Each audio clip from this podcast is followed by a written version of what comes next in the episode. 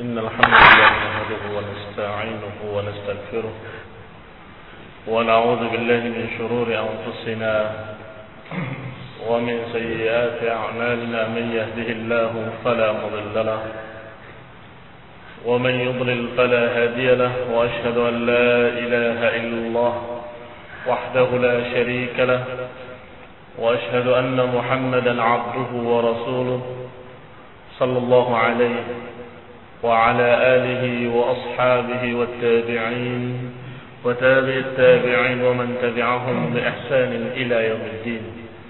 يا أيها الذين آمنوا اتقوا الله حق تقاته ولا تموتن إلا وأنتم مسلمون. يا أيها الناس اتقوا ربكم الذي خلقكم من نفس واحدة وخلق منها زوجها وبث منهما رجالا كثيرا ونساء واتقوا الله الذي تساءلون به والأرحام إن الله كان عليكم رقيبا. يا أيها الذين آمنوا اتقوا الله وقولوا قولا سديدا. يصلح لكم أعمالكم ويغفر لكم ذنوبكم. ومن يطع الله ورسوله فقد فاز فوزا عظيما.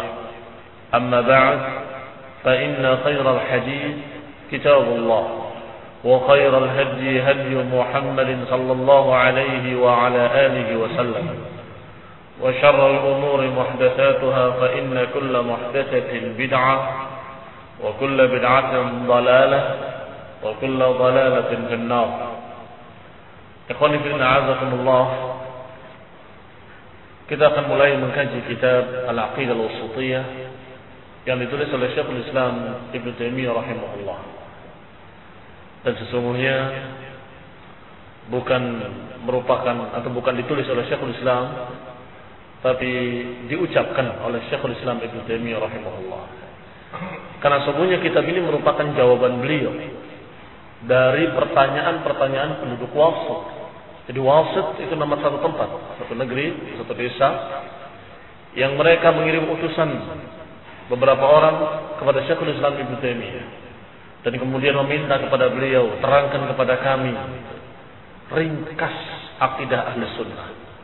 Karena kami akan membawanya kepada penduduk wasut maka Syekhul Islam Ibnu Taimiyah menyatakan jawabannya bahwa ahli sunnah wal jamaah adalah begini begini begini begini dan kemudian dihafal oleh mereka dicatat oleh mereka dan dibawa kepada desa wasut dan disampaikan kepada seluruh negeri wasut dan ternyata manfaatnya atau ucapan Syekhul Islam ini betul-betul barakah sehingga tidak hanya dimanfaatkan oleh penduduk wasut tapi hampir seluruh kaum muslimin kenal ringkasan akidah ahli sunnah yang terkumpul di dalam risalah ini. Maka akhirnya terkenal risalahnya dengan risalah al-aqidah al-wasitiyah jadi bukannya akidah wasitiyah bermakna akidahnya penduduk wasut atau akidahnya aliran wasitiyah. Bukan demikian.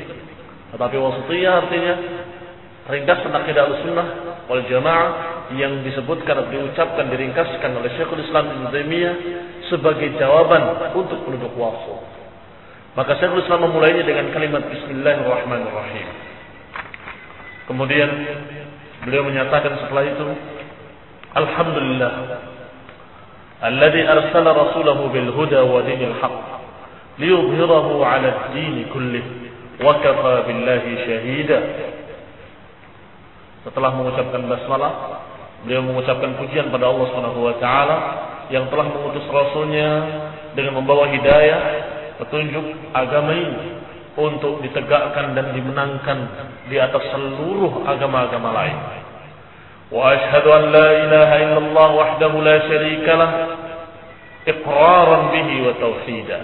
Kemudian beliau bersaksi bahwasanya tidak ada yang berhak diibadahi kecuali Allah sendirinya, tidak sekutu baginya. Ini sebagai ikrar dariku dan sebagai tauhid.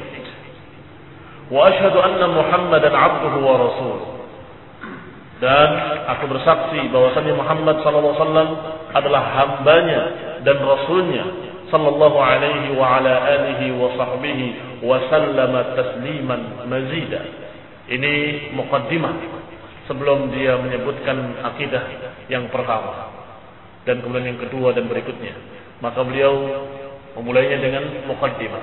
Setelah mukaddimah baru beliau menyatakan amma ba'd fa hadza i'tiqadul firqatin najiyah al-mansurah ila qiyam as-sa'ah ahli sunnah wal jamaah. Kata Syekhul Islam Ibnu Taimiyah rahimahullah, amma ba'd. Adapun setelah itu ini setelah ujian kepada Allah setelah syahadat syahadatain setelah pujian-pujian dan doa dengan salawat dan salam kepada Nabi amma ba'd maka setelah itu Fahada i'tiqadul firqatin najiyah. Inilah akidah firqatin najiyah.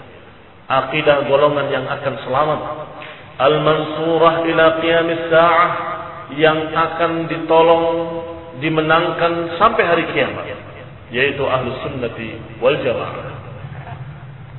Syekhul Islam Ibn Taimiyah rahimahullah menyatakan amma ba'd dan kemudian memulai isi kitab dan isi kitabnya adalah akidah ahlu sunnah wal jamaah. Sehingga beliau menyatakan ada i'tiqadul firqatun najiyah. Ini adalah akidahnya golongan yang pasti selamat. Siapa golongannya akan selamat? Ahlu sunnah wal jamaah. Al-mansurah ila qiyam sa'ah.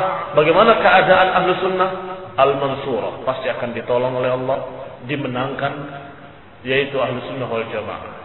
Diterangkan oleh para ulama tentang syarahnya apa makna kalimat Syekhul Islam Ibnu Taimiyah yang menyatakan dengan tiga istilah bahwa golongan yang selamat ini disebut dengan firqatul najiyah, disebut dengan taifatul mansurah dan disebut pula dengan ahlu sunnah wal jamaah. Dan ini bukan nama tiga golongan, tetapi nama satu golongan. Ada beberapa kaum muslimin yang salah paham terhadap istilah-istilah ini, maka dikira ada sekian macam golongan. Ada golongan Firqatul Najiyah, ada golongan Taifatul Mansurah, ada lagi golongan Ahlu Sunnah wal Jamaah. Padahal itu adalah sifat-sifat yang semuanya tersebut di dalam hadis-hadis yang sahih. Maka kalimat ini adalah kalimat yang mengandung makna penjelasan golongan tadi secara detail. Ketika dikatakan oleh Syekhul Islam Al-Firqatul Najiyah, artinya mereka adalah golongan yang akan selamat golongan yang disebut oleh Rasulullah sallallahu alaihi wa ala alihi wasallam kulluhum binnar illa wahid. Semua dalam neraka kecuali satu golongan. Berarti golongan yang selamat. Semuanya masuk neraka yang ini selamat. Maka dikatakan firqatun najiyah.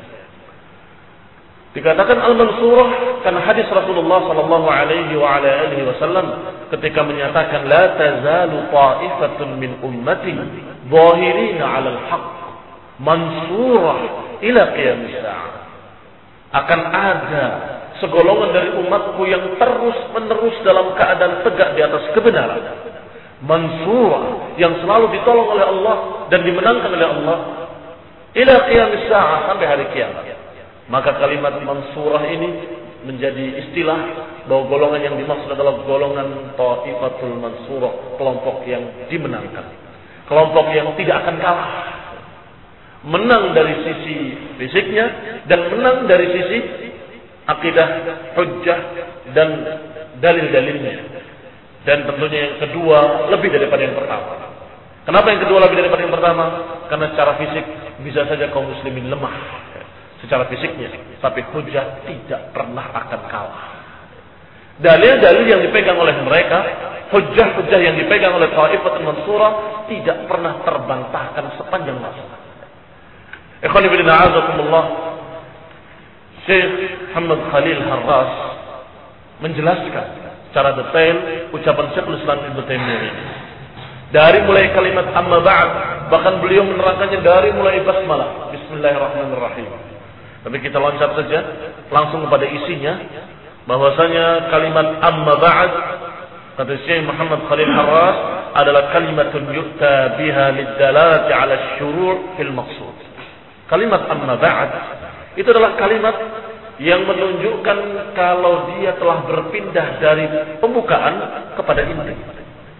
Dan ini kalimat sudah ada sebelum Rasulullah SAW dan Rasulullah SAW mentakrirnya. Jadi sebelum datangnya Islam, ada pembidato atau pembicara-pembicara yang ahli-ahli pidato, ahli-ahli bahasa Arab, mereka berlomba-lomba untuk berbicara. Ternyata ada seseorang yang hanif. Hanif itu adalah cenderung kepada kebenaran, cenderung kepada tauhid, tapi Islam belum datang. Sehingga dia kenal Allah. Dia memuji Allah. Dia memuji ciptaan-ciptaan Allah dalam keadaan belum tahu agama yang benar itu yang mana. Namanya Qus bin Sa'id. Qus bin Sa'idah ini adalah ahli di dalam pidato. Maka dia menyatakan sebelum pidatonya dengan pujian-pujian pada Allah Subhanahu wa taala. Karena mereka kenal Allah sebelum Islam. Kenal dari Yahudi, kenal dari Nasrani. Mereka tahu pencipta langit dan bumi adalah Allah. Maka dia akan setiap pidato selalu dimulai dengan kalimat puji-pujian kepada Allah Subhanahu wa taala.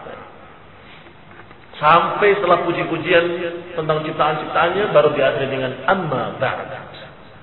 Maka kata Nabi ini adalah benar dan Nabi menyatakan dengan pujian-pujian pula dan kemudian dengan amma ba'd. Hanya saja Rasulullah SAW lebih lengkap, lebih tepat, lebih bagus yaitu kalimat innal hamdalillah. Nahmaduhu wa nasta'inuhu wa nastaghfiruh. Sampai setelah saya hujat khutbatul hajah baru Rasulullah mengatakan amma ba'd. Dan ini diikuti pula oleh para ulama, para sahabat, para tabi'in dan para ulama. Setiap berbicara mukadimah itu. Apa itu mukadimah? Pujian pada Allah Subhanahu wa taala, ikrar bahwa aku adalah seorang muslim, asyhadu an la ilaha illallah wa sallallahu Muhammad Rasulullah. Dan kemudian doa. Doa kepada Nabi dengan salawat. Ini mukadimahnya. Nah, kemudian untuk berpindah dari mukadimah kepada inti, maka Rasulullah SAW memulai dengan amma ba'd dan kemudian diikuti pula oleh para ulama. Termasuk Syekhul Islam Ibnu Taimiyah rahimahullah di sini dia menyatakan amma ba'd ini sering digunakan di dalam pidato beliau maupun di dalam tulisan-tulisan surat beliau. Memang beliau adalah ummi, tidak membaca, tidak menulis, tetapi beliau memerintahkan kepada penulis tulis amma ba'd. Ini khonifidin azakumullah menjadi dalil bahwa ini adalah sunnah. Ini adalah ajaran dari ajaran Rasulullah SAW yang diikuti oleh para ulama. Setelah itu Syekhul Islam berkata, "Fahada siqadu." Ini adalah aqidah. Kalimat hada itu adalah isim isyarah. Kata tunjuk. Isyarah ila ma tadammanahu hadzal muallaf isyarat kepada apa yang terkandung di dalam tulisan ini, di dalam risalah ini. Yang di risalah ini yang ada di dalamnya semuanya adalah i'tiqadul firqatun najiyah. Tentunya ketika orang mendengarkan hadis tentang firqatun najiyah, berharap ingin menjadi firqatun najiyah.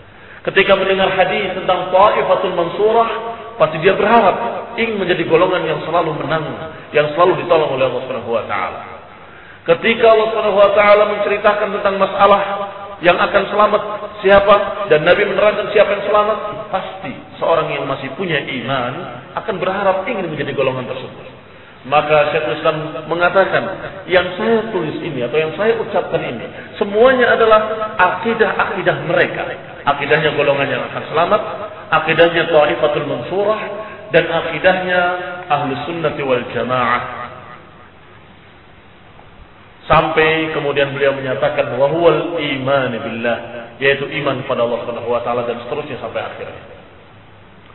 Kalimat i'tiqad atau yang kita terjemahkan akidah atau keyakinan diambil dari kata i'taqada ya'taqid. Jadi kalau seseorang mengambil sesuatu sebagai keyakinannya, berarti dia i'taqada syai'an, dia meyakini sesuatu. Kalimat aqd Maknanya adalah simpulan atau ikatan. Berarti sesuatu yang akan mengikat hatinya. Keyakinan yang akan mengikat hatinya pada sesuatu, maka itu disebut dengan akidah.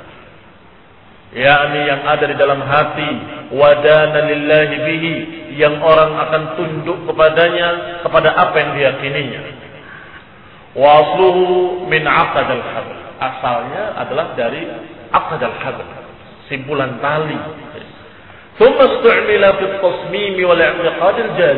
kemudian dipakai pada semua keyakinan semua apa yang diyakini dalam hati yang merupakan keseriusan kesungguh-sungguhan yang mengikat dirinya dengan keyakinan itu maka disebut dengan akidah Hada i'tiqadul firqatin najiyah. Ini adalah akidah al-firqatul najiyah.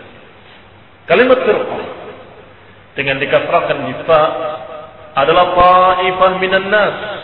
Kalimat furqah atau firqah ya.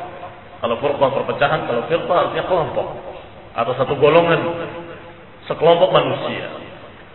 Wa waqafa bi annaha najiyah al-mansurah. Kemudian kelompok manusia ini disifati dengan dua sifat. Pertama najiyah, yang kedua mansurah. Najiyah artinya selamat, mansurah artinya ditolong dan dimenangkan. Yang ini diambil dari ucapan Rasulullah sallallahu alaihi wa ala alihi wasallam di dalam Sahih Bukhari, di dalam Al-Iqtisam bi Sunnah, bab qaulun Nabi sallallahu alaihi wasallam la tazalu ta'ifah. Di sana di dalam kitab Bukhari atau Sahih Bukhari disebutkan hadis La tazalu ta'ifatun min ummati 'ala al-haqqi mansura. La yadurruhum man khadahum hatta ya'ti amrullah. Akan terus ada sekelompok dari umatku yang tegak di atas kebenaran dan dimenangkan. La yadurruhum man khadalahum tidak akan merugikan mereka orang-orang yang mengacuhkan mereka dan memboikot mereka atau tidak menolong mereka. Tidak dirugikan sedikit pun. Mereka tetap jalan, mereka tetap istiqomah dan mereka tetap menang. Walaupun khadalah. Walaupun khadalah. Khadalah artinya diacuhkan, tidak ditolong, tidak dibantu, tetapi tetap Allah membantu mereka. Demikian keadaannya hatta Allah sampai datangnya perintah Allah Subhanahu wa taala. Dan kalimat najiyah itu dari hadis tadi disebutkan mansurah. Kelompok tadi ditolong dan dimenangkan. Sedangkan najiyah diambil dari hadis Rasulullah SAW yang menyatakan sataftariqu ummati atau hadhihi al-ummah ala 73 firqah umatku akan berpecah menjadi 73 golongan. Kulluhum finnar illa wahidah semuanya dalam neraka kecuali satu. Wahiyya man kana ala mithli ma ana alaihi al-yawm wa ashabi yaitu yang seperti aku dan para sahabatku ada di atas. Hadis hasan diriwayatkan oleh Tirmidzi dari Abdullah bin Amr bin Al-As dalam Al-Iman hadis hasan ini menunjukkan bahwa umat ini pasti akan berpecah-pecah. Jalan mereka akan tercerai-berai. Yang tadinya satu jalan, kemudian terpecah menjadi dua, menjadi tiga, menjadi empat, sampai menjadi tujuh puluh tiga golongan. Yang mereka masing-masingnya berjalan dengan hawa nafsu. Sebagaimana riwayat lain dari Muawiyah ibn Abi Sufyan radhiyallahu taala anhu bahwa beliau membacakan hadis ini dengan tambahan kalimat, jadi dengan ada kalimat yang penjelasan dengan menyatakan fil ahwa akan berpecah. Orang-orang Nasrani atau orang-orang Yahudi menjadi 71 golongan fil ahwa. Dan orang-orang Nasrani akan berpecah menjadi 72 golongan fil ahwa. Dan kaum muslimin umat ini akan berpecah menjadi 73 golongan. Lebih banyak dari mereka. Fil ahwa. Jadi berpecah di dalam hawa nafsu. Artinya hawa nafsu sendiri dan keinginan hawa nafsunya sendiri. Masing-masing berjalan apa yang dimaukan oleh dirinya dia ikuti. Ada yang mengikuti akalnya sendiri, ada yang mengikuti pemikirannya sendiri, ada yang mengikuti seleranya sendiri, ada yang mengikuti apa pun yang dimaukan oleh hawa nafsunya. Akhirnya terpecah belah menjadi 73 golongan.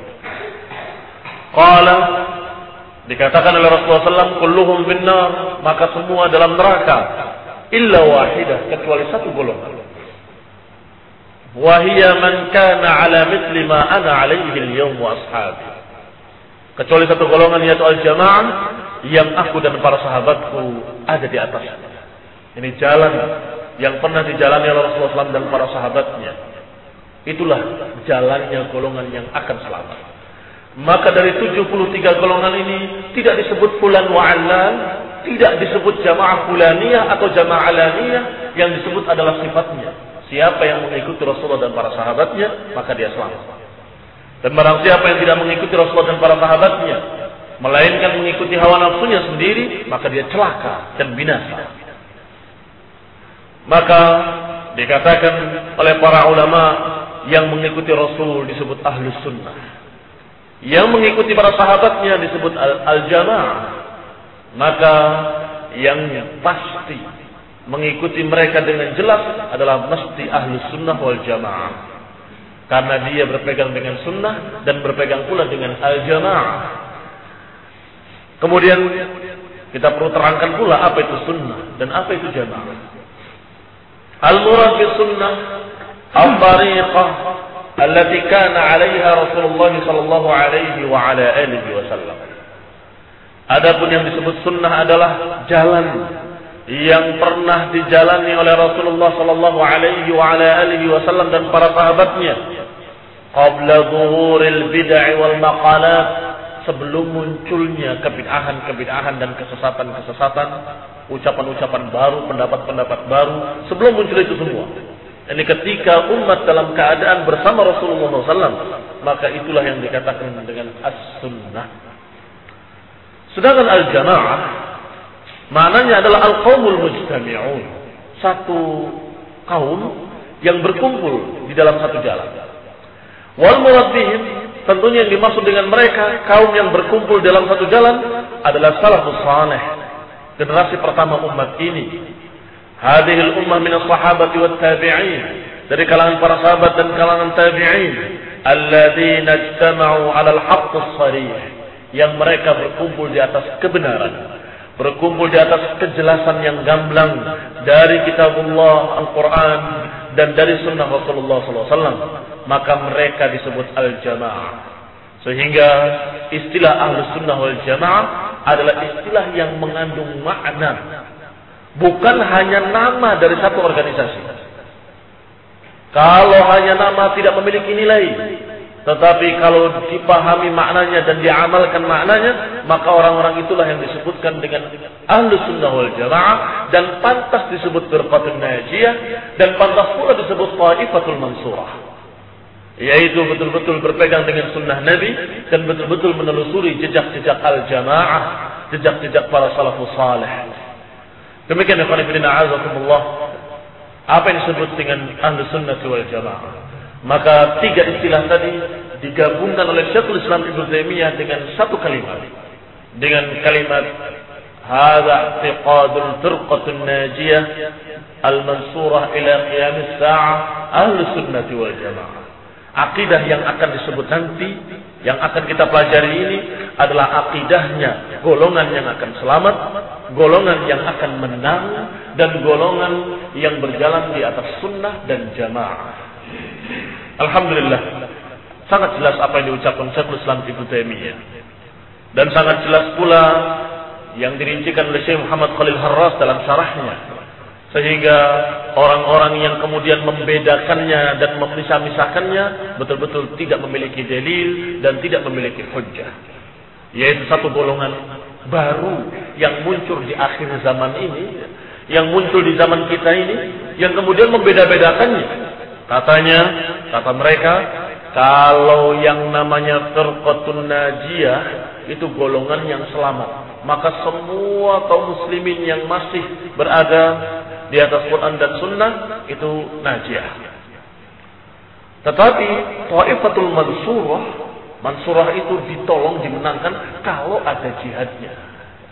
Jadi para ulama yang hanya duduk dan baca kitab itu berkota najiyah. Amujahidin yang berjuang Harokiyun itu Taifatul Mansurah yang akan dimenangkan karena ada perangnya katanya. Fahadalah dalil lahum fi mereka tidak memiliki dalil sedikit pun dalam masalah itu. Tidak memiliki hujah sama sekali. Yang diterangkan oleh Allah dan oleh Rasulnya Sallallahu Alaihi Wasallam adalah satu jalan, satu garis lurus. Yang siapa berjalan di atasnya dia selamat dan siapa yang tidak berjalan di atasnya dia celaka. Bahkan lebih naif lagi. Orang-orang tadi menyebutkan contoh-contohnya Contoh-contohnya yang berkota najiyah itu Syekh Al-Albani, Syekh Mubil dan para ahli hadis. Sedangkan Ta'ifatul Mansurah yang dikatakan Mansurah dimenangkan seperti Mujahidin Afghanistan dan Mujahidin di Palestina. Kenapa dibeda-beda? Kalau berjihad di atas sunnah, di atas hak, maka dia termasuk firqatul najiyah dan sekaligus taifatul mansur. Kalau dia adalah ahli hadis yang berjuang dengan ilmunya, dengan hadis, maka dia adalah firqatul najiyah dan dia juga termasuk taifatul mansurah karena hujahnya dimenangkan oleh Allah dan dalil-dalilnya selalu menang, selalu kuat. Dan nyata hampir semua muslimin mengambil manfaat dari ilmu mereka dan hampir semua ahlul bid'ah terbantah oleh mereka oleh para ulama tadi. Masa tidak pantas dikatakan Taifatul Mansurah yang dimenangkan dan ditolong oleh Allah Subhanahu wa taala padahal dia berjuang dengan senjata yang lebih kuat daripada senjata fisik yaitu ilmu hadis. Azakumullah maka dengan ucapan Syekhul Islam tadi saya kira sangat jelas karena beliau menggandengkannya dengan sifat mausuf. Mudah-mudahan dipaham apa sifat mausuf. Sifat mausuf adalah satu sifat dan satu yang disifatinya. Dikatakan dengan kalimat hadi i'tiqad firqatun najiyah, disebut mausufnya. Apa sifatnya? Firqah najiyah ini mansurah akan ditolong. Setelah itu dengan badal kata ganti yaitu ahlu sunnah wal jamaah. Berarti dibedakan atau tidak dibedakan oleh Syekhul Islam? Tidak dibedakan sama sekali. Bahwa tiga kalimat ini adalah menjelaskan satu golongan yang akan selamat. Yaitu kaum muslimin yang masih komitmen dengan Quran dan sunnahnya. Yang masih berjalan di atas rasul, di atas jalan rasulnya. Dan masih mengikuti generasi pertamanya. Wallahu ta'ala a'lam. Nasallahu taufiq wal afiyah. Subhanakallahumma bihamdik. Asyhadu an la ilaha anta astaghfiruka wa.